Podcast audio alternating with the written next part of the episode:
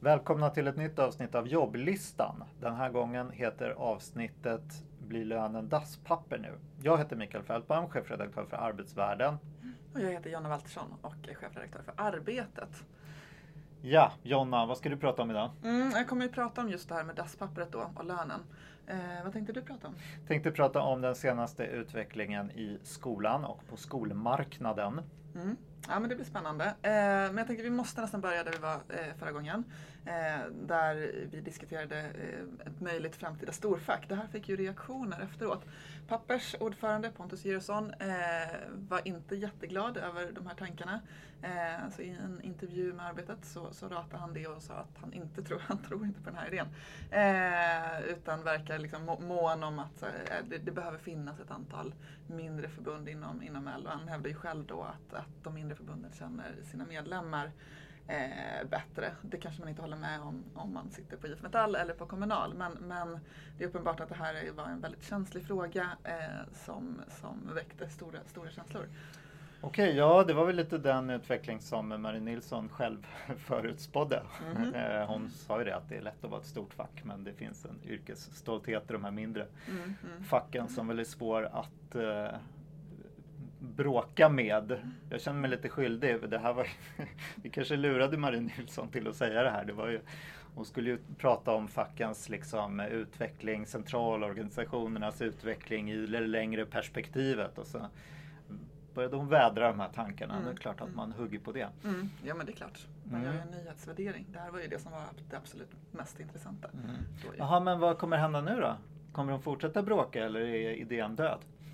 Eh, om, om jag ska göra liksom en temperaturmätning så känns väl idén ganska frusen just nu i alla fall. Får vi se vad, vad diskussionen landar någonstans i, i framtiden, tänker jag. All right. Ja, men jag tänkte säga något om, jag tyckte det var intressant, eh, det här är ju inte riktigt en TCO-fråga nu då, sen eh, Lärarförbundet har ju lämnat TCO så vi håller inte på så mycket med skolfrågor på arbetsvärlden. Men jag kunde inte låta bli att reagera på det här att eh, de borgerliga partierna nu har sagt att man eh, kommer rösta ner de här förslagen till förändrad skolpeng och eh, skolkösystem. I min värld så var de här förslagen otroligt liksom common sense-förslag som ju kommer den här Åstrandsutredningen för en mer jämlik skola.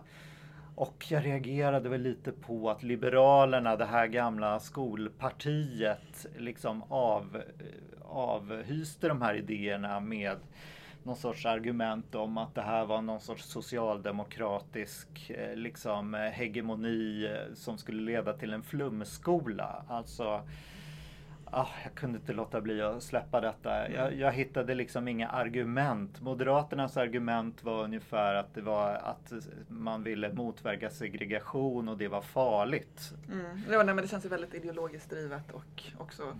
lätt populistiskt. Eh, så. Det är också intressant att man jag vet inte, man, man brukar ofta vilja neutralisera frågor som man själv inte har en så jättepopulär åsikt i inför en valrörelse. Mm, mm. Nu kan man ju välja att, att driva vidare den här konflikten, vilket mm. ju borde gynna Socialdemokraterna. Jag fattar inte ja. riktigt eh, strategin bakom det. Men det blir intressant att följa. Det, ju, det, har ju visat sig förut att folk inte tycker att den här frågan är, om just vinst är avgörande för hur man väljer att rösta. Men den borde ändå ligga där och, och mala någonstans i mm, bakgrunden. Mm, mm. Nej men precis. Nej men det blir, det blir intressant att, att, att följa. Men jag tror att man kanske har gjort just analysen att det är inte det som gör att en moderat bestämmer sig för att rösta på, på Socialdemokraterna.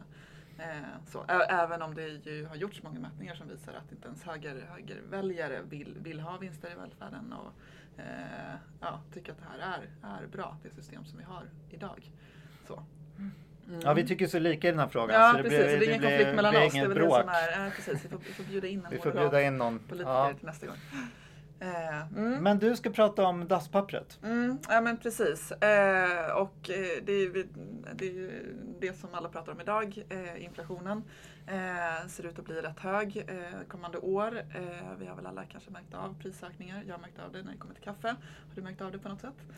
Nej, inte? jag har inte tänkt på det faktiskt. Nej, nej. och det är väl eh, beroende på eh, inkomstläge, yrke, massa sådana faktorer så märker man väl av det mer eller mindre mycket. Men, men priserna tickar uppåt. Eh, konjunkturinstitutet har ju eh, spått då att eh, inflationen kommer hamna på 5,3 procent under året. Så det är ju en hög inflationstakt då.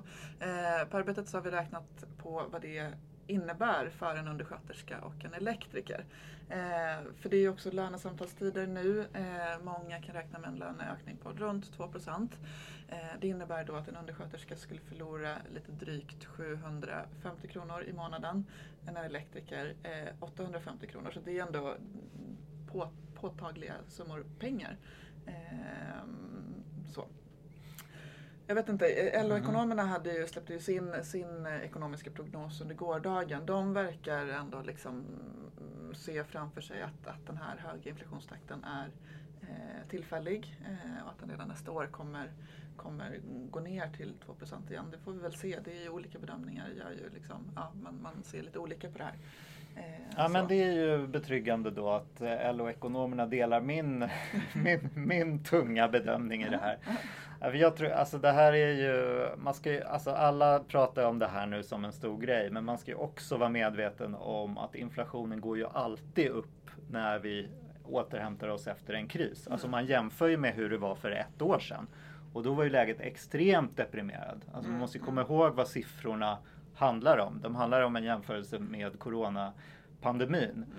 Så jag tänker att det ska mycket, alltså framtiden får väl utvisa, men jag tror inte vi kan säga idag att det här kommer bli något långvarigt. Så mm. det är klart det finns någonting underliggande i energipriserna. Att de, de måste väl öka och det, det, är väl eh, bra på något sätt också att den här omställningen får fart. Liksom. Mm. Men, så jag har inte personligen varit så oroad över det där. Men som sagt, det, där, det är ju intressant också. Jag har ju inte bil, jag har inte jag bor i lägenhet, jag märker inte av de här energipriserna mm. och det där är också så att eh, det var väl eh, vår, vår eh, kompis German Bender som skrev om det där att vad man upplever av inflationen styr också ens förväntningar och att låginkomsttagare ofta ser förändringarna först i matpriser och så för att de mm. lägger större andel där och höginkomsttagare för dem spelar matpriser inte så stor roll, liksom, för det är så liten del av konsumtionen. Mm. Och eh, att höginkomsttagare kanske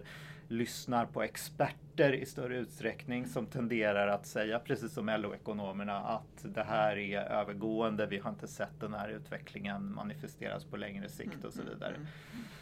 Mm. Så eh, ja, men det blir ju spännande att se vart det tar vägen såklart. Mm, mm. Och det blir ju en, det blir en, eh, man kan väl säga att det blir en liksom perfekt storm för äh, avtalsrörelse. Ja. Det är klart att kraven, det är lättare att komma med ökande krav när situationen ser ut som den gör. Mm. Ja men precis, och de drar ju ihop sig i höst.